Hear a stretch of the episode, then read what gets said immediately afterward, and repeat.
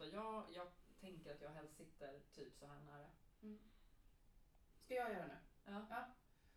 Jag pratar här, vill helst sitta här, men jag antar att det inte går. Så då sitter jag här. Och eftersom det här är ett patriarkat så kan jag sitta så här och prata så här och det hörs ändå. Ja, du hörs mycket bra. Vad fan. I en nybildad förening, Reformisterna, vill de tre i ett nytt program politik, en starkare socialdemokrati och ett bättre Sverige, skriver de på DN Debatt. Hej och välkomna till det sjätte avsnittet av eh, Reformistpodden. Hej och tack. Hej och tack. Och välkommen själv, Sara. Eh, jo, men jag mår bra, tack. Hur mår du? Ja, men jag mår bra. Eh, mycket taggad på eh, det här avsnittets ämne som ju är klass. Det ska bli skitspännande. Det är också väldigt roligt. Vi hade ju ett kanonavsnitt senast, om jag får säga det själv. Verkligen. Med många roliga gäster, men som vi ju hade liksom länkinspelade. Mm. Och det här avsnittet är ju vi bortskämda med att få ha en gäst på besök som vi faktiskt sitter i samma rum som, på Mm. avstånd, ska vi Precis. tillägga. Men det känns väldigt lyxigt att få sitta, det är kul att träffa dig och prata politik också Mm. emellanåt Sara. Men det är roligt att få träffa en tredje person Precis. och göra det. Ja, och den tredje personen kan vi avslöja är Daniel Suhonen som är eh, eh, chef för det fackliga idéinstitutet Katalys. Eh, men också ju en väletablerad medlem av Reformisterna får man säga. Mm. Mm. Välkommen hit. Tack så mycket. Men idag är du här, det ska vi vara väldigt noga med. Idag är du här som katalysare, Precis. Precis, och författare. Och redaktör. Mm.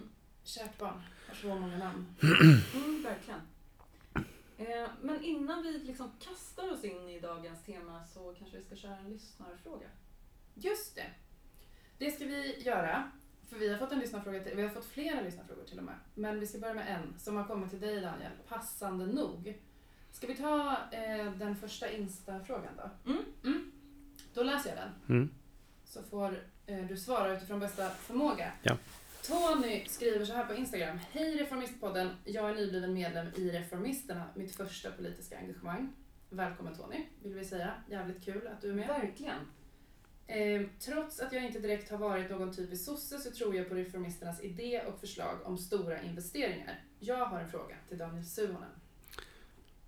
Är du med då? Ja, jag är med. Nu åker vi. Här i Örnsköldsvik ska psykiatriska avdelningen läggas ner. Tidigare har vi fiaskot med hundratals kommunala miljoner till en etanolfabrik. Dessutom råder det stort missnöje med det välkända ockuperade och nedlagda BB i Sollefteå. Som ni förstår är förtroendet för Socialdemokraterna i denna del av landet minst sagt blandad. Såväl kommun som region har länge styrts av S.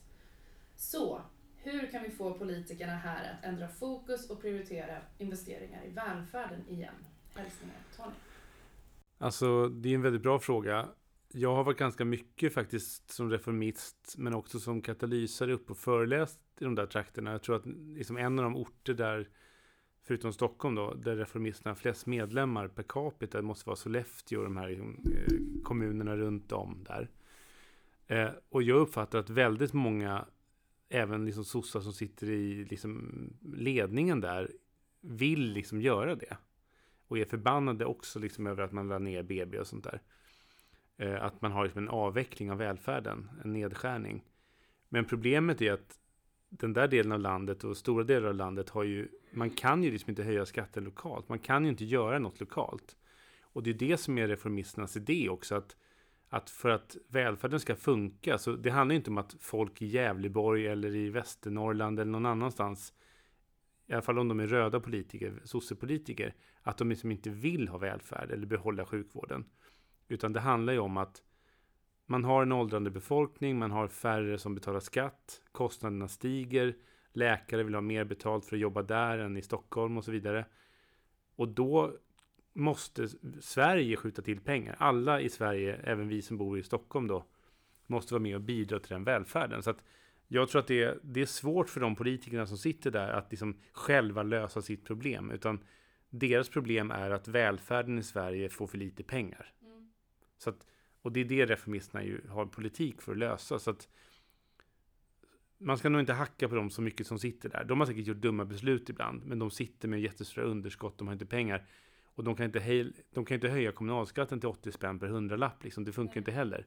Så att, ja, var ganska förstående för de här röda landstingspolitikerna som tvingas göra massa jävligt trista och skadliga saker och se till att Magdalena Andersson eh, skjuter till pengar i, statsbudgeten. Det är mitt svar. Mm, så Tony borde liksom kroka arm med landstingspolitikerna. Och värva dem till reformisterna och mot centralmakten. Lite mer eh, så här dacke, liksom uppror. Nej men, Mm. nej, men lite jävla namma. Och, och där tror jag också att, att sossar i Sverige på regional nivå sådär. Man är så lojal uppåt. Jag tycker att det är ett av problemen i socialdemokratin. Att alla är så lojala, alla är så snälla, man sitter still i båten. Och jag förstår att inte vi kan vara ett parti där alla är illojala hela tiden. Men det är någonting med att man måste ju ändå kunna säga vad man tycker. Man kan inte lägga ner sjukhus liksom. Då måste man göra någonting annat och det är det reformisterna vill. Apropå att jag är här som någonting helt annat än reformist. Du kan få börja nu Absolut, jag börjar som reformist. få inleda. Men då eh, eh, tänker jag att Tony har gjort ett jävla bra Mm. första steg i att gå med i Ja, verkligen. Så nu Tony du bara värva regionråden också. i, i, i Sollefteå. Och sen, Magdalena, och sen börja bearbeta Magdalena Andersson. Ja, men det är vi ju eh, 4600 pers som gör nu. Precis, vi är, vi är ändå ett gäng. Vi är ändå ett gäng. Inte ensam. Eh, Men tack för frågan, skitkul ju. Mm. Att eh, få lite lyssnarinteraktion. Ja, som inte bara är eh, synpunkter på ljudet. Som vi har haft interaktioner kring och eh, stor förståelse för. Men det hoppas vi att vi har. Jag hade faktiskt en, den roligaste interaktionen jag hade nyligen var att Ja, men jag skrev ju någonting i Aftonbladet, en krönika om det här stormningen av Kapitolien, Kapitolium och alla de här liksom högertomtarna som inte, alltså opinionsbildare till höger som inte förstår ett hot mot demokratin. Var det den om att Jimmy Åkesson är som Mike Pence? Ja, att Ulf Kristersson är som Mike. Pence, inte som Trump men som, som Mike Pence. Och eh, då fick jag något mail som var så här, du är din jävla islamist, det ser man på skägget. Liksom man bara, ja men snälla någon, liksom kan vi bara, vad fick du det därifrån? Liksom är det, är det det som man kommer liksom bli anklagad för, att man är islamist för att man liksom har skägg? Jag tycker bara så här, jag, jag begär mer av mina kritiker. Men jag tyckte bara så här, okej, du håller inte med mig. Du röstar på SD, jag förstår att du är arg på mig. Mm. Men jag är liksom inte islamist. Tror du det själv liksom? Eller är det någon sån här... Men det har ju blivit tyvärr förvridet, eh, nu lämnar jag liksom skägget, men eh, alltså att allting, eh, eller allting, men väldigt mycket tolkas som i- islamist. Och jag, alltså jag tänkte på det mycket, det har ju varit så här flera olika så här statsbesök när, när så här svenska regeringsrepresentanter har varit i Iran och sådär Ja. och då eh, beslöjat sig inför Mm. besök eh, och sådär. Och där kritiken då blir att så här, det är för att de är islamister, inte för att det är så här att de är beredda att sälja alla principer för att få sälja svenska grejer. Alltså, Och svenska vapen. det är så kon- konstig grej att man inte, man klarar liksom inte längre av att så klä av makten för att man tror att alla är islamister. Det Mm. är, alltså, det är verkligen inte därför. Nej. Så otroligt konstigt. Mm. Nu, nu menar jag inte att du är beredd att sälja alla principer för att sälja Ja, alla grejer. så. Du har bara skägg. Jag har två JAS-plan under mitt skägg. som jag är beredd att sälja. Jag letar efter köpare. Till vilket pris som helst. Mm. Ja, vi har ju lite olika lyssnar och läsnar, läsarinteraktioner helt enkelt. Mm. Mm.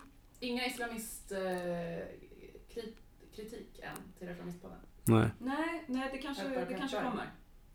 Det kan Nu. vara så. Särskilt nu när Daniel Suhonens skägg. Men okej, vi sitter ju här för att prata om klass, som sagt, och klassamhället. Ehm, Katalys har precis gett ut en stor, lång bok eh, En klass. ordentlig bok. En ordentlig bok, det får man säga, rejäl, Mm. eh, som handlar om klass på olika sätt. Ehm, och det är ju någonting som, som jag antar att ni gör för att ni tänker att man behöver diskutera klass mer och sådär. Eh, så att vi har samlat oss för att göra det Mm. eh, då idag. Eh, och vi kommer göra lite olika nedslag eh, på olika teman eh, som också återfinns i boken. Ehm, vi tänkte att vi skulle börja med att prata om vad klass egentligen är. Liksom.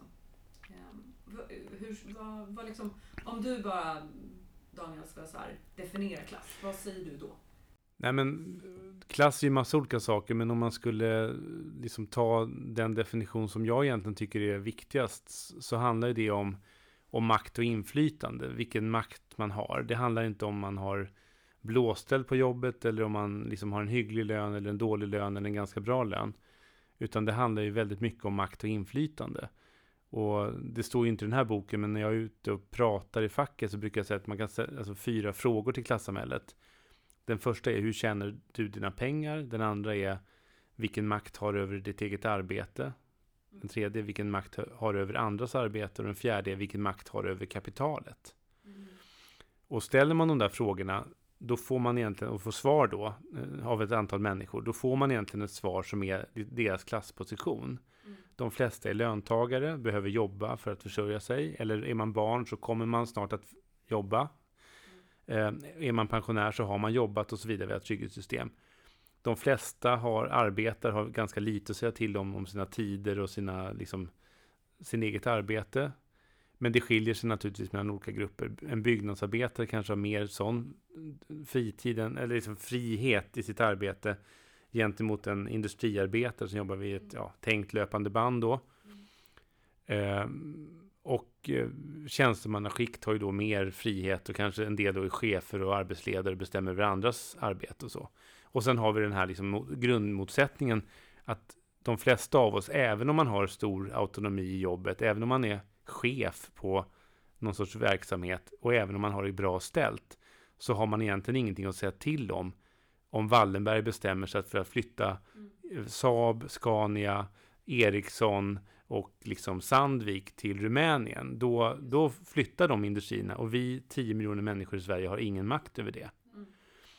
Men de här liksom frågorna, så, så, så, så, så klass är egentligen en maktfråga, en inflytandefråga. Sen kan den översättas till, när en sociolog använder det, då kan man översätta det till statistik, liksom hur många är arbetarklass eller tjänstemän eller företagare eller sådär. Att man helt enkelt kan liksom analysera nästan som en meteorolog läser av vädret i grader och millimeter regn och sådär. Mm. Så kan en sociolog liksom avläsa ett samhälle. Hur många har vi- vilka positioner? Mm. Och sen det andra är ju då, vad tycker folk själva att de är? Och vad har det då för betydelse för politik och samhälle och så? Så det är liksom massa olika saker. Eh, jag stannar där, jag kan prata i, i 750 sidor. Eller 52. Ja, precis. Ja, men, men hur ser det ut då? Jag tänker att vi kommer komma till det här mer om hur människor själva Mm. identifierar sig med klass och liksom vart man känner klasstillhörighet eller inte och sådär. Men om vi stannar vid hur det faktiskt ser ut då, i någon slags sociologperspektiv som du beskriver. Hur, I liksom 20, Sverige 2021, vad, vad står det i den här boken? Ja, nej, men det som står, om man, det finns ju ett par olika liksom, definitioner i den här boken. Vi har egentligen kollat alla sätt som finns i vetenskapen att titta på klass. Men om man tar den som kanske är mest liksom, vedertagen och den som jag kanske tycker är mest liksom, adekvat, så är det den studie som Göran Arne med flera gjorde då i den här klassutredningen, som är kapitel 1 i boken.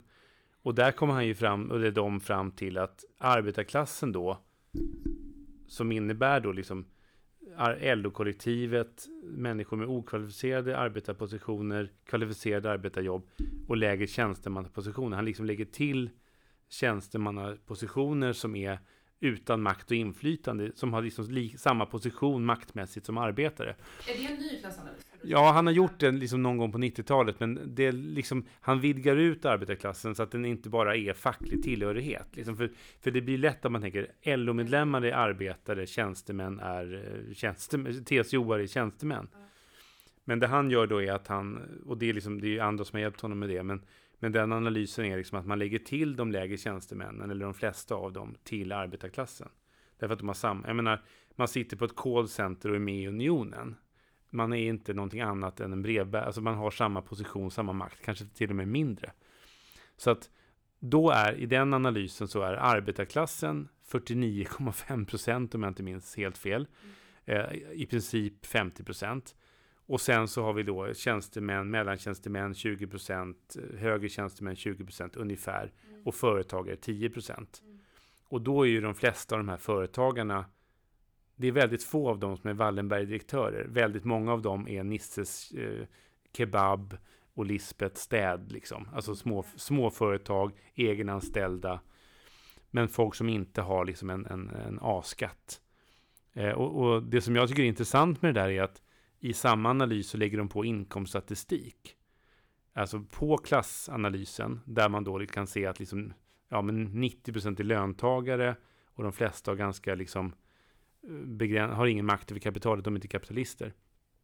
Om man lägger på inkomststatistiken, då ser man ju liksom hur 90% eller 95 eller 99% av alla egentligen inkomsttagare har ganska samma villkor. Och så är det en liten topp på, på slutet som sticker av. Väldigt kraftigt, det är nästan som en, vad ska man säga, inkurvan på en boomerang. Liksom att, mm. att nästan alla har samma och sen är det några få på toppen som sticker av. Och det där tycker jag, jag menar, och sen i det där finns det naturligtvis en skillnad att i den där ganska lika så är det ju någon pensionär som har 10 000 i månaden och någon är läkare som har 55. Och det är klart att mellan dem är det en stor skillnad. Men då ska de ställas mot någon som har 8 miljoner mm. per år efter skatt. Så att det är liksom det säger ändå någonting om var motsättningen skulle kunna gå i ett samhälle. Så. Mm. Men inte gör. Nej, det, inte om inte vi skapar det. Och det, det där är en sån här fråga som man ofta får så här. Ja, men eh, liksom. Ja, men nu har vi inte kommit in på det, men så här, arbetare som röstar på SD, det är ju allt vanligare liksom. De sista åren har det ökat. Gör de fel? Nej, de måste ju rösta på vad de vill. De gör, de gör väl förhoppningsvis kvalificerade bedömningar av liksom vilket samhälle de ser och vad de tycker om det samhället det som jag tycker är väl att arbetarrörelsen har ju tappat att prata klass och sätta in brister i välfärden, brister i arbetsmiljö, ojämlikhet, sned, sneda grejer i samhället i ett klassperspektiv i en, liksom, i en berättelse om vilka vi och de är. Alltså vi som är de vanliga människorna som gör jobbet eh, och några få på toppen som, som har väldigt mycket mer makt och dessutom har tjänat väldigt mycket pengar på de sista årens utveckling. Den motsättningen skulle man kunna, den måste ju adresseras. För det som händer nu är att man ser att det är liksom invandrarfamiljen i porten bredvid som är de som suger ut allt ur samhället. Och det menar jag är en helt felaktig analys. Liksom. Men den blir ju ganska självklart. Någonting är ju fel i vårt samhälle. Alltså, och, och, liksom, någonting är ju ruttet i Sverige. Och det är ju ojämlikheten, att barn inte får tillräckliga kunskaper i skolan, att pensionärer är fattiga, att liksom, det är sådana enorma inkomstskillnader. Men om ingen pratar om det, då måste man ju dra en slutsats om vad det beror på. Och de enda som pratar, det är de som vill skylla på invandrarna. De har en analys och de för fram den. Den här eh, boomerangen som du mm. beskrev, liksom. de allra, allra, allra flesta, oavsett om jag är gift med en läkare eller mm. inte, eller liksom hur familjesammansättningen mm. ser ut, så befinner vi oss ändå inom den här som du säger, mellanmänskliga stora spannet av en liksom fattig pensionär och en läkare, men i förhållande till Wallenberg mm. är vi liksom ändå ganska... Så egentligen borde vi väl mäkta med att skita i den där komplexiteten om vi var duktiga på den politiska konflikten. Mm. Ja, jag håller helt med. Jag, jag menar så här att slut, alltså så här, det här är en bok som handlar om klass, den går ner på detalj, den definierar, den mm. har statistik, det är kronor, ören, mm. procent, antal anställda i olika sektorer och branscher och så vidare. Den har nästan svar på allt. Jag kommer knappt ens ihåg alla liksom, frågor som är besvarade i den här boken. Men det vet ju ni som nyligen har läst den. Eh, nej, men så, nej, jag skojar. Men, men det som är grejen liksom är att egentligen ser det så här, och det är det som är det paradoxala. En bok som handlar om klass, och liksom, eh, jag är en person som har varit intresserad av klass. Sara och jag satt i tvärdörrsredaktion för ja. 250 år sedan. Och då gjorde vi sån här temanummer om arbetarklassens återkomst. Alltså och liksom, så det är frågor som har varit med hur länge som helst i mitt liv, i liksom vår kamp. Liksom. Att bara berätta att klass finns. Liksom. Men då menar jag egentligen att då har vi beskrivit det. Och en slutsats är arbetarklassen finns. Men den andra saken är, det är precis det du säger. Det är liksom bumerangens svans. Liksom. Att det det egentligen berättar den här boken, det är två saker. Det ena är att Sverige på, av politiska skäl sedan 30-40 år tillbaka rör sig åt helt fel håll. Mm. Ökad ojämlikhet, klyftorna blir mer avgörande. Det blir mer och mer liksom vem dina föräldrar är, var du bor, vad du jobbar med, säger mer och mer om hur länge du ska leva, var dina barn kommer gå i skola, hur deras utbildning blir, vad de får för chanser. Liksom, klass spelar allt mer. Vi blir mer in, allt mer inmurade i klassamhället i de här olika positionerna. Det är den ena saken. Det är liksom en moralisk och politisk, liksom, vi måste ändra detta. Den andra saken är egentligen berättelsen till arbetarrörelsen. Men vakna för fan!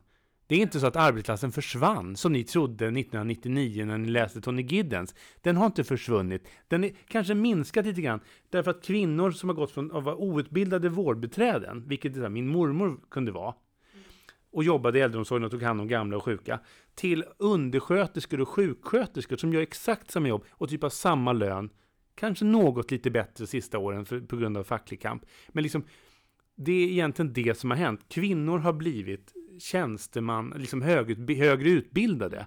Deras jobb har kodats om, men de har skitdåliga löner och ingen makt och ännu mer stress än tidigare. Det är det som har hänt i klassamhället. Men majoriteten, 70, 80, 90 procent av folket har ju ekonomiska intressen av välfärdspolitik. Det har även läkaren som tjänar 70 000 i månaden på springvick liksom. Och vi hade faktiskt, i det här rummet där vi sitter, hade vi Erik Olin Wright då, som tyvärr gick bort för något år sedan.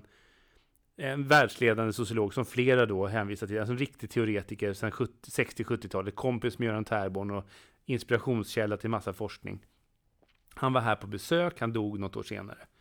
Men då frågade jag honom så här, men vilka, liksom, hur, vilken klass är det, liksom, vilka är det vi ska liksom använda, vilka ska vi tala till när vi ska liksom väcka liv i liksom arbetarrörelsen? Och då sa han, det är inte klassen man ska tala till, det är välfärden som är projektet. För det förenar alla i den här 70-80% majoriteten. Till och med en höginkomsttagare i de här normala människorna som tjänar mellan 10 000 och 100 000 eller 80 000 i månaden. Det är inte många som tjänar så mycket, men några gör det. De kan inte, för, liksom, får man ett handikappat barn eller funktionsvarierat barn, då kan man inte själv betala omhändertagande, vård, operationer, läkemedel. Om man, alltså, om man får en svår förlossning, vilket väldigt många får. Det kanske inte är så, liksom, i långa loppet så avgörande eller farligt. Men det är en otroligt smärtsam sak. Man måste ligga några veckor på sjukhus kanske. Barnet måste opereras, ligga i kuvös. Ingen har råd med det. I USA är man tvungen att sälja sitt hus för att betala det, om man har ett hus. Eller så får man familjen samlas och bestämma när man ska stänga av syrgasapparaten och hoppas på det bästa. Alltså, de allra flesta, från de fattiga till liksom medelklassen och egentligen ännu fler, har egentligen inget alternativ än att vi ska ha ett bra gemensamt välfärdssamhälle med anständiga villkor för alla. Och den majoriteten, just nu är den splittrad på migrationsfrågan och kriminalitet och den här ah, högerrörelsen, liksom fascismen och deras, liksom olika liksom, eh, olika liksom trådar som, som drar i arbetarklassen och andra grupper att liksom inte se det här att vi hänger ihop. Och en arbetarrörelse då som jag själv och ni då är led, medlemmar av, ledande av, nej, är, ledamot, är medlemmar av och som liksom inte talar till de här människorna. Och framförallt när de talar så har man ingenting att säga. Och man, även om man skulle säga någonting bra så har man ingenting att, så man kan inte göra någonting. Och det är det som är så sorgligt. Den här boken, det var någon som sa, ni har ju inga förslag. Men herregud, vi beskriver hur skolan faller ihop. Vi beskriver hur äldreomsorgen har utraderats. Vi beskriver klassklyftor, ojämlikhet, ägande, bostäder. Allt är liksom ojämlikt. Det är bara att sätta sig ner och skriva liksom vad som behöver göras. Det, är, det, är liksom, det ligger ju efter den här boken. Mm. I det här samtalet, i andra samtal, i studiecirklar. Vi måste ju ändra det här. Mm. Och det är arbetarrörelsens uppgift. Mm.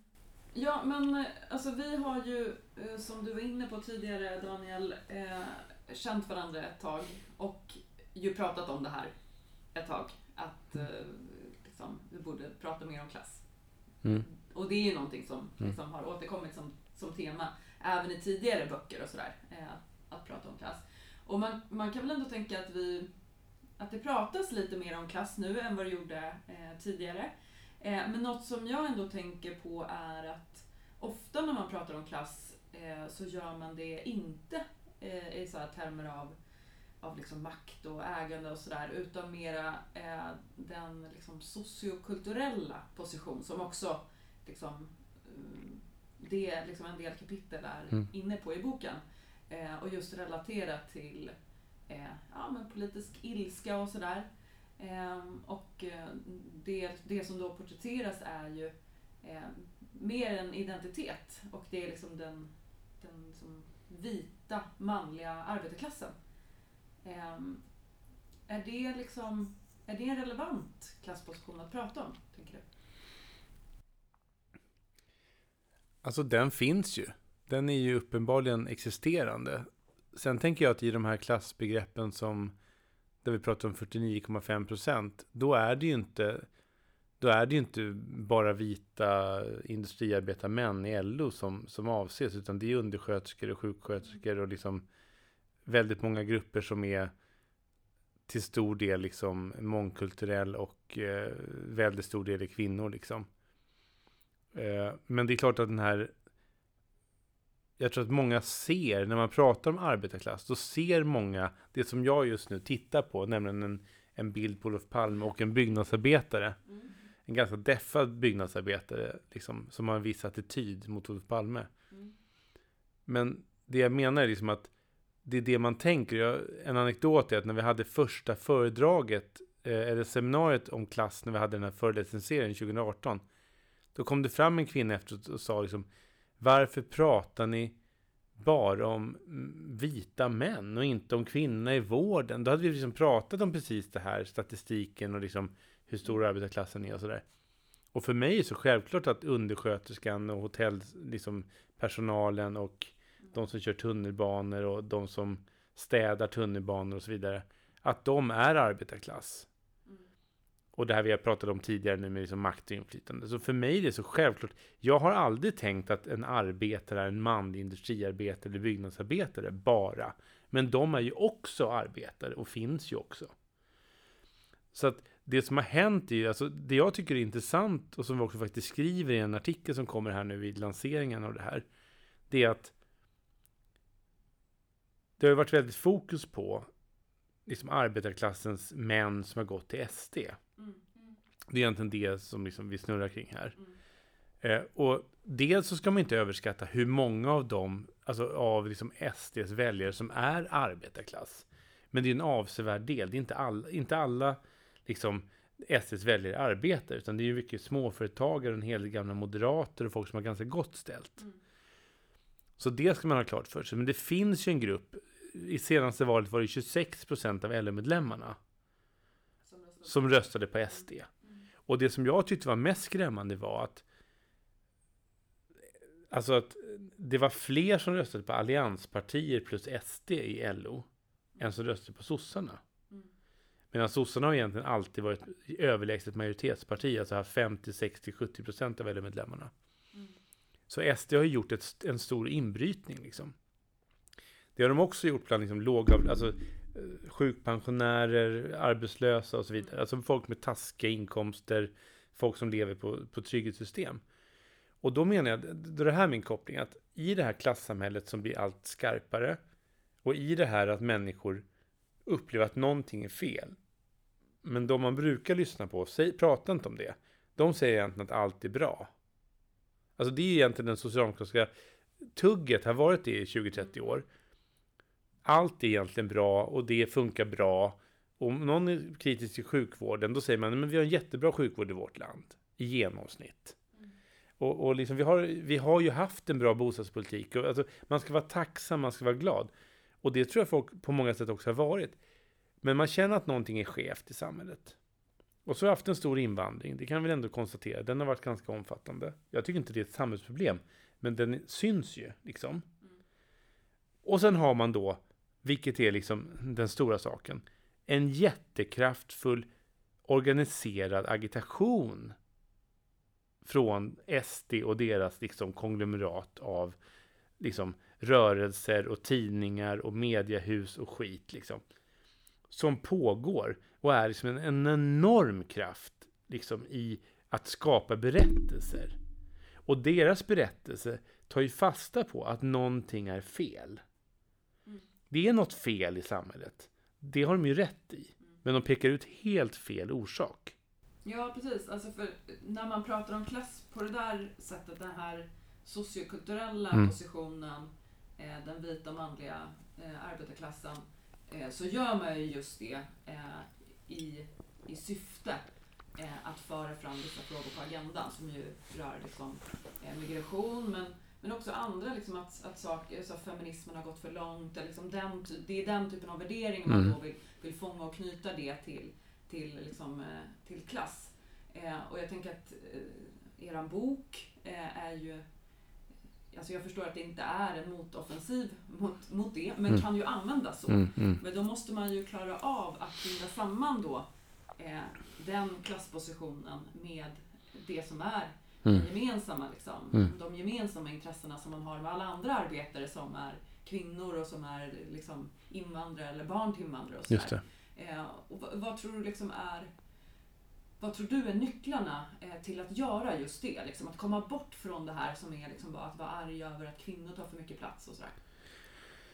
Ja, nej, men jag tror att i grund och botten så, så handlar det om att man måste ha ett gemensamt politiskt projekt. Man måste liksom kunna prata, alltså en arbetarrörelse eller en, en politisk rörelse som vill ha liksom förtroende och vinna förtroende. Den måste ju kunna prata om saker på riktigt. Mm. Alltså den måste kunna prata om saker. Och jag vill ta ett exempel som är så här. Liksom, för några år sedan så när jag bodde i skärmen fortfarande så, så liksom skulle jag, jag kom hem från krogen. Det här var rätt många år sedan. Jag kom hem från krogen och en granne kom hem. På tiden när man fick gå på krogen. Det här är för länge sedan, det är flera decennier. Men för det första var jag väl 25 år och, och det är rätt länge sedan. Alltså, och då kom en liksom, pensionär, liksom, som, han hade varit ute med hunden och klockan var väl 5-6 på morgonen och jag kom hem. Liksom. Och jag, morse, det var en underbar så här, junimorgon och jag säger så här, fan vilket underbart väder, liksom, vad härligt det är. Ja, och så pratade vi lite grann han bodde i samma port och han hade bott där sedan huset byggdes liksom, på 60-talet. Han och hans fru. Och och så pratar vi om vad fint det är här. För det är som blommande körsbärsträd och syrenbuskar och liksom så jävla fint det är där liksom. Och han sa, ja men det är lite stökigt nu. Och så kände jag direkt att det fanns något i det där, det är lite stökigt nu. Vilket en 85-årig farbror kanske alltid tycker om hur det, har- när man har bott på 50 år på ett ställe liksom. Att det har blivit stökigare. Men det som också har hänt är att det har blivit otroligt mycket mer invandrare i det området. Alltså i- synbart invandrare. När han flyttade in där var det svenskar och finnar. Nu är det liksom andra kulturer som bor där, som har flyttat in. Och, det, och då sa jag så här, vad menar du? Är det alltså jag var ganska offensiv, jag var full helt enkelt. Men vad menar alltså tänker att det är en massa invandrare? Så, ja, men det är lite stökigt. Så här. Ja, men så, hur var, och då sa jag så här, men hur var det när du växte upp? sa jag. Och då blev han helt tyst och sa han, ja det var också jävligt stökigt, sa han. Det var jävligt stökigt. Mm. Men det blir väl bra sen. Ja, men det kanske blir här också, sa jag. Det blir nog bra med folk av dem också. Ja, det tror jag faktiskt. Ha en bra dag liksom. Mm. Alltså om man, och det vill komma till då, det här är ju en anekdot. Men det är liksom det här att om man inte är rädd för fråga, om man inte är rädd i första läget för att någon tar upp någonting. Mm. Hans fråga var inte så farlig. Jag hade kunnat avvisa honom som en rasistgubbe. Mm. Det finns verkligen rasistgubbar och tanter som man Mm. kanske ska avvisa. Men han var inte det, utan han hade en det var lite stökigt i området, det, det är lite ovant, det var lite massa kids liksom. Mm. Som kanske liksom, eh, han inte liksom eh, identifierade sig med så mycket. Men om man liksom lyfter tillbaka till klassfrågan, hur var det när du växte upp liksom? Ja, men då var det också ganska stökigt. Ja, då kan man hantera det på ett annat sätt. De flesta har en sån erfarenhet. Och då blir det som att folk är ganska lika, det är inte så jävla farligt. Men arbetarrörelsen kan inte heller bara trycka bort alla frågor. Det finns ju områden i Sverige, då menar jag fattiga områden, där det faktiskt finns enorma sociala problem. Det är det vi pratar om. Och de måste man kunna prata om, man måste kunna liksom adressera dem. Men för att kunna göra det måste man ju också ha en lösning. Man måste ju våga ta itu. Så att jag tror att det som kortsluter det här, det är att man i ena änden inte vågar göra de lösningar som behövs. Mm. Och då menar jag fördelningspolitik och friskolorna ska bort och så vidare. Mm. alltså man måste in och brottas med liksom ojämlikhetens orsaker. Och i andra läget så blir man då, måste man sluta vara passiv aggressiv mot folk som har funderingar över hur det är i samhället. Just det. Mm. För att det är liksom någon dualitet där att frejdigt kunna ta en diskussion med en, en, en farbror som tycker att det har blivit lite stökigt i hans bostadsområde, vilket det förmodligen har blivit. Och att också då, om det finns problem, göra något åt dem. Men om man varken vågar prata om sociala problem ärligt och uppriktigt, utan snacka bullshit, snacka skit helt enkelt. Jag, jag är liksom uppväxt i en arbetarklass där man snackade om saker. Det var liksom, där man kunde vara rak liksom. Jag tror man ska vara mer rak i samhällsdebatten. Man ska våga adressera problem och man ska också göra någonting åt dem. Mm. Mm. Och ta folk på allvar. Och ta folk på allvar. Alltså, om de inte är... Nej, det finns absolut saker som inte är okej att säga och, och massa människor som just nu också i den här Mm. malströmmen av liksom alternativa medier och den här frustrationen Men kan man möta dem? Jag säger inte att alla liksom går att möta just nu, liksom, men kan man ta det med, liksom, med en viss empati? Då tror jag att man också kan komma någon vart. Men, men socialdemokratins problem är att man inte har någon politik för att lösa problemen. Mm. Jag, jag sitter också och tänker här när jag lyssnar på, på dig, eller er, att det är en sån jätteviktig facklig fråga också. Eller liksom att facklig organisering är så otroligt viktigt för det här. Apropå liksom, vem är arbetarklass och vems intressen står mot vems. Att det är en sån det är ju en liksom fundamental grundläggande facklig strategi att vi är överens om att vi har absolut mest gemensamt utifrån att vi är arbetare Mm. och ingenting annat. Liksom. Mm. Att det, är så här, det är därför vi organiserar oss gemensamt och vi är överens om att du och jag, Daniel, har mest gemensamt Mm. för att vi jobbar ihop oavsett om du är snubbe och jag är tjej eller du är född i Mm. Stockholms förort och jag är från Örebro eller så här. Och att det är ju också en sån otroligt framgångsrik strategi från Mm. högern liksom, och det här maskineriet som du beskriver som bara liksom itutat oss nu i flera år att det som skiljer oss åt det är att liksom, den här byggnadsarbetaren är Mm. född i Polen och den här är född i Göteborg. Mm. Mm.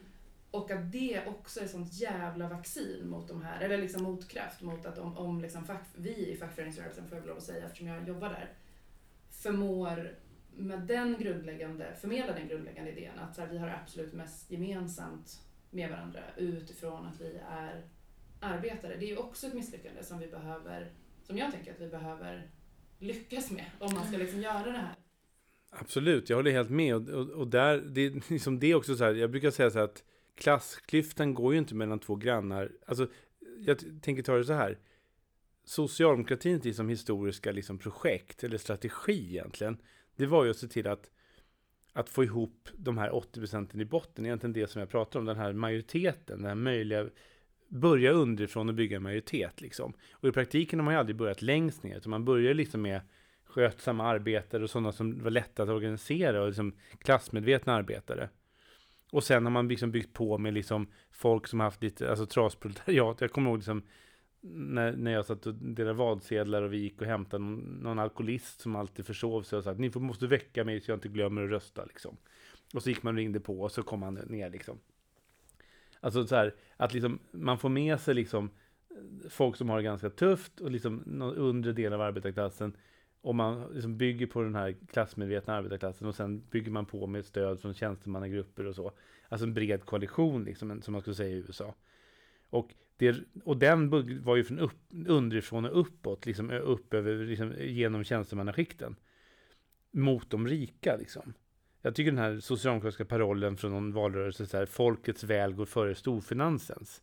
Det är ju väldigt snällt. Alltså, det, är ju inte alltså det jag pratar om här är inte klass mot klass, vi ska ta allting och det är liksom revolution. Jag pratar ju om saker, vi, vi kan höja en skatt. Vi kan stoppa vinster i välfärden. Vi kan liksom höja pensionerna för vissa grupper. Vi kan liksom göra sådana. Det är det jag pratar om. Det är fördelningspolitik. Men det är, det är också det som händer när man pratar till de som jobbar. Man pratar, pratar till arbetarklassen och till vanliga människor. Då måste man också våga sätta en, en gräns. Liksom. Man måste också våga säga att det finns några som inte har gemensamma intressen på kort sikt. Exakt. Och det som Reinfeldt gjorde under sin väldigt smarta regeringspolitik, det var att han både i retorik och politik försökte skapa en skillnad i arbetarklassen. Mm. Alltså han, hans, alltså klasskonflikten, alltså jag brukar säga så här, jag tycker inte att man ska förstärka till någon extrem gräns, liksom, eller till någon extrem stora klassmotsättningar. Vi vill ha små klassmotsättningar, men det finns reella intressekonflikter och de ska man inte hymla med, de kanske ska, man ska tydliggöra. Men Reinfeldt gjorde ju klasskonflikten så att en, en busschaufför som har ont i axeln och går till jobbet skulle se ner på en busschaufför som har ont i axeln och bli sjukskriven för det. Där skulle klassmotsättningen gå. Den ena skulle få sänkt ersättning och den andra skulle få sänkt skatt. Och där någonstans började ju, alltså jag brukar tänka så att alltså Reinfeldts politik, där han pratade ner och gjorde en motsättning mot de som levde på ersättningar, så att säga. Det var en hundvissla för det som sen SD. En Det- satt färg på. Ja. här. SD målfärgsatte hans målarbok, faktiskt. Det är väldigt bra formulerat. Ja, och, och förmådde oss att tro att vi är liksom på riktigt i större behov av skattesänkningar och rutavdrag Mm. än socialförsäkringar som håller. Alltså det är liksom som att vi har, det har ju också förflyttat, tänker jag, den här liksom medvetenheten om vem man är och Mm. vilken klass man tillhör. Att vi liksom, jag går runt och tror att, att jag är i större behov av liksom den där de extra hundralapparna i plånboken, eller Mm. vad de sa, liksom, Mm. Mm. än de grundläggande trygghetssystemen. Liksom. Precis. Nej men, eh, Jag tror inte det, vill jag för. nej, precis, jag tänkte sluta upp med det Linn. Det låter så Vi dumt. kan berätta. Nej, Tack för det. Tack för kaffet. Nej, men att det är så framgångsrikt liksom, har förflyttat, som du säger, liksom, förflyttat Mm. konfliktlinjen. Eh, Jag tänker på en, en bild jag har i huvudet när jag tänker på så här, hur samhällsförändring äger rum, hur den här konservativa revolutionen, nyliberala rev- revolutionen går till. Och det var något möte som det var på tv-nyheterna. När Obama höll på med den här, eh, alltså Obamacare, alltså sjukvårdsreform. Och det är ju någonting som uppenbart skulle gynna arbetarklassen och vanliga människor. Men det som hände då, det var någon demokratisk eh, kongresspolitiker som skulle ha något möte liksom om det här inom Folkets hus någonstans. Och det stod liksom sura, alltså de som typ stormade kongressen nu. Mm. De stod där med plakat och hatade liksom den här idén om en allmän sjukförsäkring. Mm. Därför att de var i de skikt av så här ganska trasig, slutkörd, utmattad, vit amerikansk arbetarklass. Som hade en sjukförsäkring. Så när det kom då vänsterpolitiker som ville ge alla en sjukförsäkring, då skulle de bli av med sin sjukförsäkring.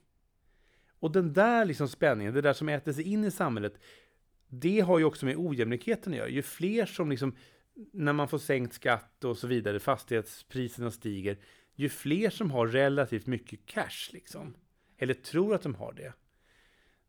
Och så halkar liksom de här offentliga systemen efter. Ja, det är en otrolig incitamentstruktur för att liksom, vad ska man göra med sina pengar? Ska jag ha pengar på banken? Eller ska jag se till att, att om jag får en cancerdiagnos så ska jag få gå före i kön? Ja, det är ett ganska lätt val. Vad fan är 100 000 på banken värt om du för de pengarna hade kunnat köpt en sjukvårdsförsäkring Mm. och få gå till Sofiahemmet istället? Och den där tycker jag skräcken som finns när vården inte funkar. Nu har vi corona, vi har skjutit upp tusentals operationer. En del av dem är allvarliga, en del är liksom kanske liksom inte får några jättekonsekvenser. Men en stor del av det där, det är oupptäckt cancer som ligger och jäser i folk. Det är en enorm, jag menar, och det här är inte ett inlägg om strategin primärt, utan det är att vi hade så svag sjukvård. Mm. Att vi inte klarar det här. Mm. Det finns ju ett, eh, apropå det, ett kapitel i boken som beskriver om liksom, eh, hur högern vann privatiseringsdebatten i Sverige. För jag tänker att det, det finns ju olika problem med sjukvården men ett av problemen är att den är sönderprivatiserad.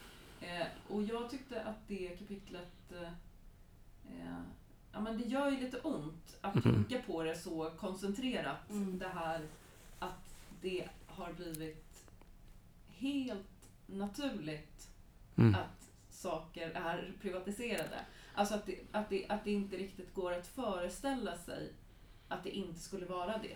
Mm. Eh, och att liksom läsa om vägen dit och också hur socialdemokratin, eller de, åtminstone delar av socialdemokratin, eh, var delaktiga. De utanför reformisterna.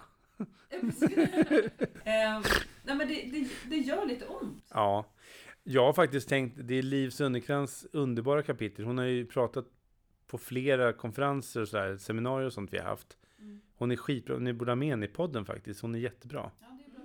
Väldigt smart liksom och har någon sorts eget grepp om saker. Och det, hennes tes, nu kommer inte jag ihåg ordagrant, liksom, det är ett långt kapitel och sådär, det är ett tag sedan jag läste det. Men tesen är ju någonstans att högern var liksom skoningslös, den var ideologisk. Mm. Och liksom stod upp för sina idéer och drev det. Vi var tekniska, de var ideologiska. Men det var också så att de helt enkelt pratade med varandra om hur de skulle privatisera välfärden. Och vi, vänstersidan då, SSU, olika tidningsdebattörer och så vidare, försvarade liksom välfärden ganska halvdant. Alltså, ganska, det, det var så här, det, ett gäng ville, alltså, det är lite grann som debatten nu om polarisering. Alltså ett gäng vill bränna ner riksdagshuset och ett gäng tycker det är fel. Mm. Och säger att era jävla galningar. Då likställer man handlingen att bränna ner riksdagshuset med handlingen att säga ni är dumma som vill bränna ner riksdagshuset. Båda polariserar debatten. Och här lite grann, en parallell är liksom att privatiseringsdebatten då, typ 90-talets början, den var så här. Högern ville avskaffa den offentliga sektorn och privatisera den. Och vänstern ville liksom Inte det. inte det. Eller ville ha mångfald. Alltså det är lite grann så här, vi har några som är beredda att bränna ner den offentliga sektorn. Mm. Och några som säger, vi måste nog öppna upp för alternativ. Den är inte perfekt. Mm. Alltså det, det är ingen som säger, vi ska socialisera allt. Alltså den rimliga alltså nu säger inte jag att det här är en rimlig politisk hållning. Men om den, om nyliber... Alltså ärligt talat, det här har jag tänkt väldigt mycket på. För att jag har tänkt på katalys och sådär. Framförallt på katalys. Under den här privatiseringsdebatten. Att inte attackera till exempel skolvalet. Utan vi har attackerat och tänkt så här. Och det tror jag också är den riktiga hållningen. Problemet är de vinstdrivande aktiebolagsskolorna. Det är de som, drar, som etableras och de som skapar alla andra problem. Så det är de vi har gett oss på. Så har vi varit ganska sak, alltså ganska modesta Mm. egentligen. Men nyliberalerna på 90-talet, de var inte modesta. Utan de ville avskaffa allt. Mm. Men mötte en vänster som var modest och klok och smart och teknisk som du säger. Och på något sätt korrekt. Mm. Och då tänker jag så här att om, om man egentligen, och det här skulle re- revidera hela Katalys verksamhet då. Egentligen för att möta extrema nyliberaler som vill privatisera allt. Alla Timbro. Då skulle vi igen- egentligen behöva en tankesmedja som Katalys som ville förstatliga allt Ja. till 100 procent. Men vi har, för att det har dragit så jävla långt åt höger, hela fältet.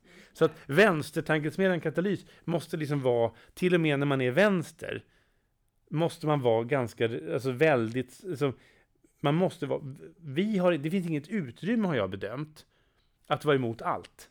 Nej. Nej. Men det finns det för högern. Jag måste säga, liksom, jag säger ju, och jag menar det liksom också, för jag är liksom reformist, liksom, i meningen att jag är liksom för att vi kan ha marknadsekonomi och så här. Jag säger liksom när jag är med så här, ja men vi ska inte förstatliga allt.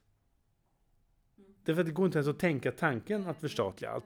Men kommer du börja säga det? Nej men, nej men jag menar om man tar Liv Sunnekrantz, alltså hur ska man vinna en debatt? Mm, ja. Det man skulle göra egentligen att vi skulle starta en rörelse som ville förstatliga allt, krossa kapitalismen helt och driva det stenhårt och synkroniserat. Och ideologiskt, renlärigt. Nu ska jag inte säga att det är en, liksom, den hållningen är inte en socialdemokratisk hållning.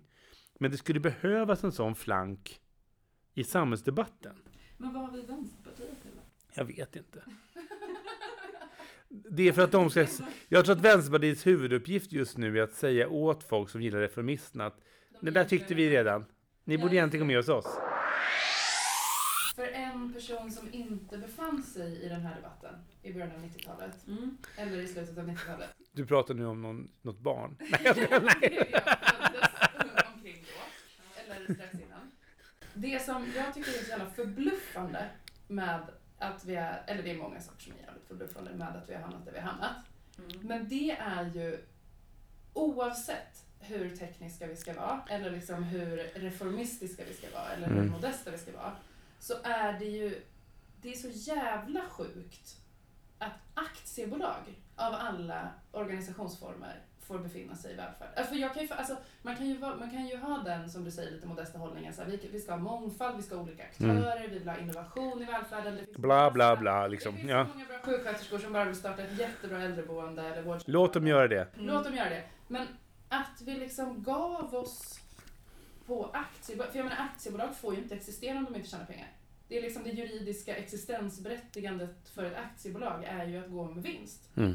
Annars får man ju starta en ekonomisk förening eller en stiftelse eller någonting annat. Och där måste vi, där tänker jag att det borde finnas en ideologisk motvikt Mm. till ny, som utan att vi blir liksom för oreformistiska bara här, det här är orimligt. Nej men det är Det orimligt. Men så här, det skulle, för att nå, alltså, det här är också en sån här grej som jag har tänkt ganska mycket på att Olle Svenning skrev för ett tag sedan någon artikel i Aftonbladet Kultur om att vart tog socialliberalerna vägen? Mm. Men det som är grejen är att socialliberalismen försvinner när socialismen försvinner. Alltså när socialdemokratin i sin liksom i sitt inre strävar efter liksom att bygga ut den offentliga sektorn, höja skatteuttaget. Jag älskar det här citatet av- Tage Erlander när de frågar honom i någon fackföreningstidning typ 1980 så här, eller slutet på 70-talet när han har slutat som statsminister. Liksom, vad hände egentligen med kapitalism, äh, avskaffandet av kapitalismen? Och så han, ja, det, det klarade vi inte riktigt av.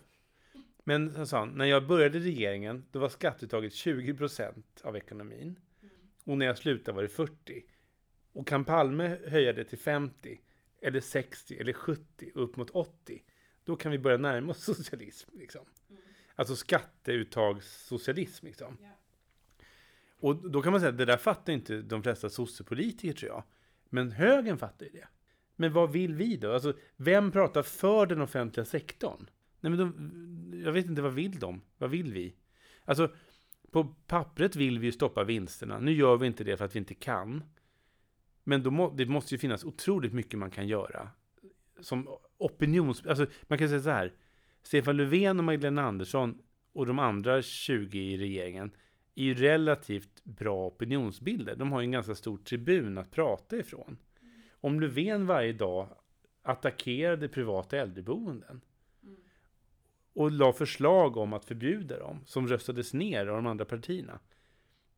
Ja, om Sabuni nu kallar till folkomröstning om, om Folkpartiet, så kan väl vi kalla ett samband med det nyvalet, kan vi langa in en folkomröstning om vinster i välfärden. Ja.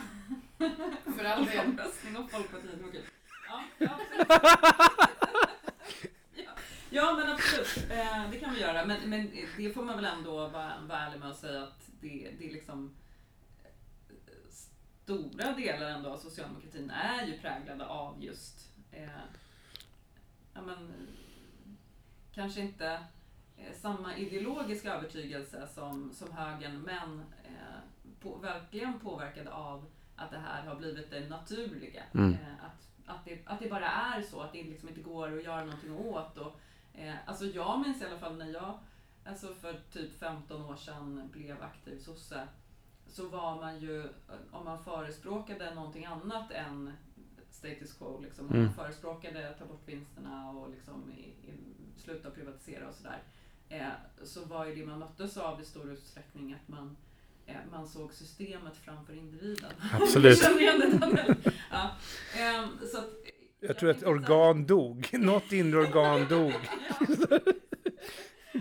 Alltså mycket har ju hänt på de här 15 åren måste man ju säga att, så här, att så kritiken mot det här Ja. samhället vi lever i har ju växt och liksom, man ser ju effekterna. Eh, alltså det, finns, det är svårt att försvara det.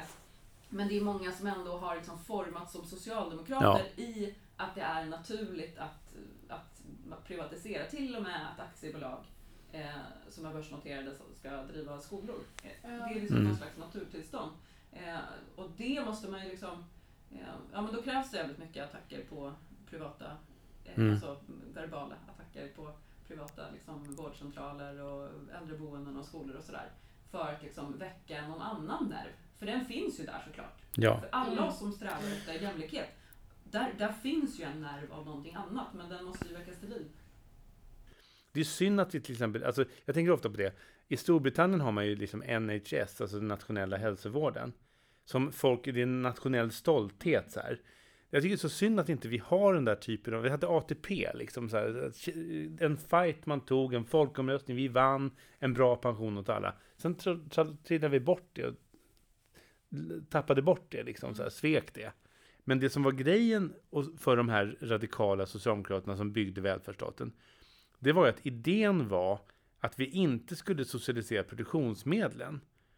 För det var ändå, de var även, ändå på väg bort. Alltså, fabriker och maskiner och sånt kommer rationaliseras bort. Men skolor, vård, omsorg, forskning, utbildning, eh, kollektivtrafik, bostadsbyggande, det är sånt som, sam- som alltid kommer behövas. Och det ska samhället ta hand om. För det gör vi bättre. Icke-vinst, non-profit, det är bättre.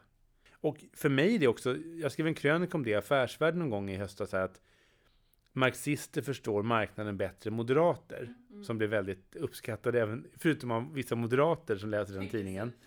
De, de ville absolut att jag skulle, de gillar verkligen yttrandefrihet, men måste han skriva här? Ungefär så var debatten. Eh, och det, det, var en, det var en Men de har debattserie. Jag vet inte, de, de svarar inte på mejl just nu. Eh, men jag har skickat den här boken till dem. De ska se om de kan göra något av den. Nej, men liksom att, att jag har en enorm respekt för marknaden. Det finns vissa saker som faktiskt liksom vilken krog man vill gå på, vilka kläder man vill ha. Alltså det finns massa saker där jag tycker människan måste få välja jävligt långt liksom vad de vill ha. Mm. Sen kan man ju sköta det med miljölagstiftning så att liksom kläderna inte är färgade, den blåa tonen i din liksom, eh, tröja inte är liksom giftig, att det inte är barnarbetare, att de som säljer den på H&M eller NK eller vad det nu har handlat den, att de har hyggliga OB-tillägg och bra pension. Alltså, det, man kan reglera massa saker. Mm. Men där måste man ju få välja själv. Ja, Men så- alltså jag vill helst inte att Stefan Löfven väljer mig.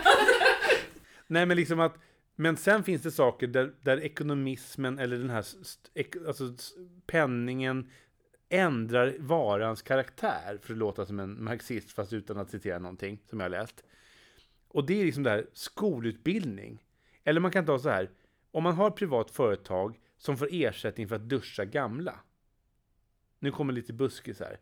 Men då är det så att det är effektivt att duscha dem i grupp. Det är väldigt effektivt att duscha dem med kallt vatten och med slang. Mm. Det är jätteeffektivt för det här företaget, för då kan en personal göra det på 40 gamla. För att jag har jobbat i hemtjänsten och äldreomsorgen. Det tar jättelång tid. En riktigt slagrörd, dement person, rullstolsbunden, som ska duschas på ett värdigt sätt. Det kan ta en halvtimme. Mm. Och det måste göras varsamt.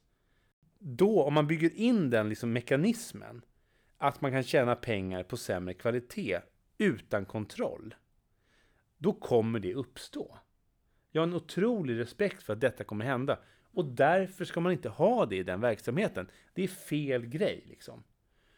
Kan man, alltså, kan man späda mjölet i, i brödfabriken, då kommer man göra det. Det måste vara kontroll. Och så vidare, och så vidare, och så vidare. Kontroll, alltså för att vi bygger upp jättestora kontroller Ja. som ju inte heller liksom är, är gynnsamt. Det blir ju bara eh, detaljstyrning som motverkar då eh, någon slags syfte med att man Ja. har mångfald av aktörer. Eh, men risken är att man också då får dålig kvalitet. Och den kontrollen ligger alltid på det offentliga. Ja, Mm. och en logik som också smittar av sig på det offentliga. Mm. Det har vi ju lärt oss i, i välfärdsrapportsavsnittet Ja, av precis. eh, podden när vi pratar med Karin Svedberg. Alltså apropå det, att det är Mm. liksom dels den här kontrollöverbyggandet men också att släpper vi in marknadslogiken så gäller ju marknadslogiken alla aktörer, även liksom den offentliga sektorn och då blir det lika mycket bockande för rutor.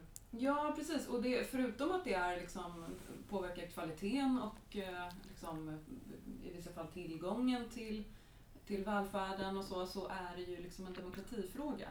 Alltså att, att, göra, eh, att göra de här sakerna tillsammans i liksom offentlig sektor handlar ju liksom inte bara om att man tänker att så får man bäst kvalitet och bäst utfall, utan det handlar om också att undandra vissa eh, typer av verksamheter från, Ja. från marknaden. Ja, exakt. Ja, att det är så här, mm, här råder demokratins principer, här kan vi utkräva ansvar i liksom demokratiska val och liksom andra typer av processer där, där demokrati får, får råda och där inte plånboken avgör. Liksom. Så att, eh, det, är som, det är mycket större också än vad, vad det ibland ges- ges sken av i, i debatten om vinstuttag och kvalitet. Det är, liksom, det är också en demokratifråga. Men där tror jag, liksom, om man ska vara lite hoppfull i den här podden någon gång, då tänker jag att nu har vi kommit till ett läge där de här nyliberala försvararna av sitt system Mm. plötsligt sitter där och måste försvara sig. Jag läste en artikel av, eh, det var väl Leijonborg som skrev i Dagens Nyheter för en dag sedan. Han är ordförande i Friskolornas riksförbund, alltså köpt lobbyist. Och den andades ju väldigt mycket så här, vi måste ändra massa saker, det har gått fel, men vi måste behålla vinsterna ungefär va. Så de är ju på, de är ju, de är i gungning liksom. Man märker att de är i den position, nu är det de som är systembevarare. Mm. Och då måste, liksom, de måste ju liksom, till exempel Reformisterna och Katalys och SSU och andra organisationer liksom attackera stenhårt. Få dem att gunga. Men då måste man också veta vad man hävdar. Vi kan hävda att vi ska stoppa vinsterna. Men vi måste också kunna hävda att vi vill ha en bättre offentlig sektor. Mm. En bättre välfärdsstat utan vinst. Mm. Och där, alltså något som ändå är, eh, liksom apropå hopp, eh, som jag tycker är intressant och hoppingivande är ju att professionen också deltar. Eh, sen kan man ju så, såklart sakna eh, liksom starka politiska aktörer, till exempel eh, liksom partier, Mm. Socialdemokraterna. eh, i, i den här debatten. Men, men att det är liksom läkare och lärare. Alltså det var senast nu är det ju här en vecka innan avsnittet släpps men en, en läkare som också är ordförande i Föreningen för eh, allmän medicinläkare Mm. eh, som eh, skrev en artikel om att han kommer sluta på Tensta vårdcentral för att förutsättningarna för att bedriva god vård är, är för dåliga helt Mm. enkelt. Eh, och det har ju liksom på senaste tiden blivit vanligare och vanligare med den typen av inlägg i debatten där där det liksom också kommer från Ja. eh, professionerna i välfärden. Eh, liksom den här starka kritiken och som, som då driver den, den debatten. Och där kanske också finns, liksom, tänker jag, korn av till den här fackliga strategin som du var inne på Linn, Mm, tidigare. mm. Så här, att binda samman intressena med, mellan så här, läkaren och eh, undersköterskan. Eh, alltså att eh, här finns det ju verkligen någonting eh, och ett gemensamt projekt då. Mm. Eh, att så här, förbättra välfärden eh, liksom, och inte då bara så här, eh, att ta bort de värsta avarterna utan att också att vara med och utveckla Ja. eh, välfärden. Mm. Och allianser, jag tror, att, alltså jag tror verkligen det här du är inne på att att det liksom är den här man, lä, lärarinnan Mannheimer som skrev någonstans i höstas, väckte liv i en skoldebatt.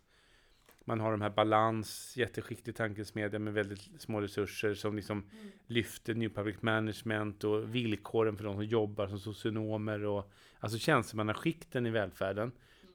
Men liksom man lyfter de här perversa systemen och hur man inte kan göra ett bra jobb. Och det lyfter ju faktiskt Gunnar Olofsson och Lovisa Broström upp i den här bok, i vår bok. Det här med att liksom tjänstemannaskikten idag pressas allt mer, stressas, man är liksom eh, man är verkligen under press. Mm. Och att samtidigt är man väldigt välorganiserad fackligt. De här skikten är ju mer organiserade tyvärr än arbetarklassen är. Mm. De har råd att vara med i facket, så kan man säga. Eh, så att där har man ju också en situation där de är väldigt välorganiserade. Jag tror verkligen att nu bärs den här berättelsen dels av verkligheten, av att resultaten kommer ikapp det här systemet, Mm. bristerna. Vi har liksom ändå regeringen, Anna Ekström tycker jag, hon utreder och utreder och utreder en massa saker som är potentiellt otroligt radikalt. Alltså otroligt, det är väl begränsad liksom räckvidd på de reformerna. Men gör man dem, förstör man kösystemet för friskolorna, där segregationen då blir omöjlig. Utan det är liksom alla in vid samma tidpunkt, alla på samma linje. Det är liberalt, men det är ändå någorlunda rättvist. Då försvinner incitamentet för väldigt många att välja de här friskolorna, om de inte hamnar först i kön. Och sen om man skulle justera ner skolpengen, då minskar man ju vinsten rakt av för Barbara Bergström och Academedia, de här. Då skulle ju en del av dem kanske ge upp eller ändra sin modell. Så att jag tycker att man skruvar i det här. Och så alliansen då, den progressiva alliansen med professionen som ser det här. Liksom, där lä, le, le, lekareden, läkareden liksom inte kan upprätthållas. Och det har man också sett i corona. Det måste vara många läkare som tycker att det var ett, inte bara otroligt utmattande att jobba under det här året vi har bakom oss och det vi har framför oss. Utan också de här besluten, den här liksom palliativa verkligheten där man liksom dömer ut folk nästan på gruppnivå. Mm. Som vi faktiskt från vänster måste kritisera.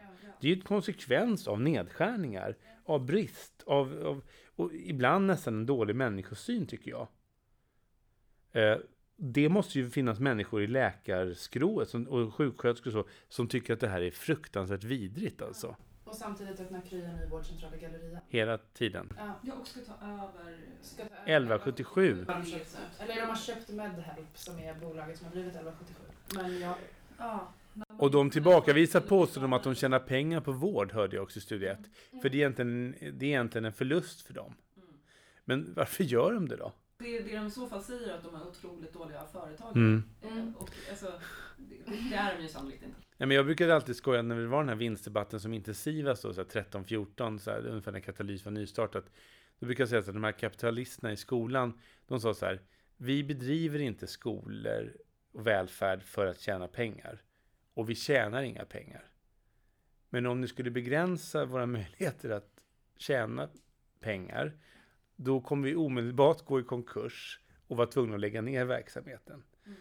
Som vi varken vill ha. Vi vill inte ha någon vinst, vi har ingen vinst, vi har aldrig haft något syfte av vinst. Men om vi inte får ha vinst, då kommer vi omedelbart lägga ner och gå i konkurs. Mm. Och då, då blir hundratusentals barn utan skola. Och hundratusentals gamla blir inlåsta på kliniker som ingen kan öppna igen. Det får kommunerna ställa upp. Det får kommunerna ställa upp. Det är en jävla härva. Alltså det håller inte ihop. Det får vi ta. Ja, alltså, ja, det. Absolut. Det tar vi. Ja. Ja, hur fan ska vi knyta ihop den här säcken snart eller? ja, alltså det behöver vi ju faktiskt göra. Mm. Eh, jag har mycket klippning eh, framför mig också. Katalys bok är liksom problembilden och Reformisternas program är lösningen. Det är en fantastisk eh, avslutning. Mm. Ja, tack för den. Tack själv. Då kör vi. Nu börjar vi om. Det här var uppvärmning. Bra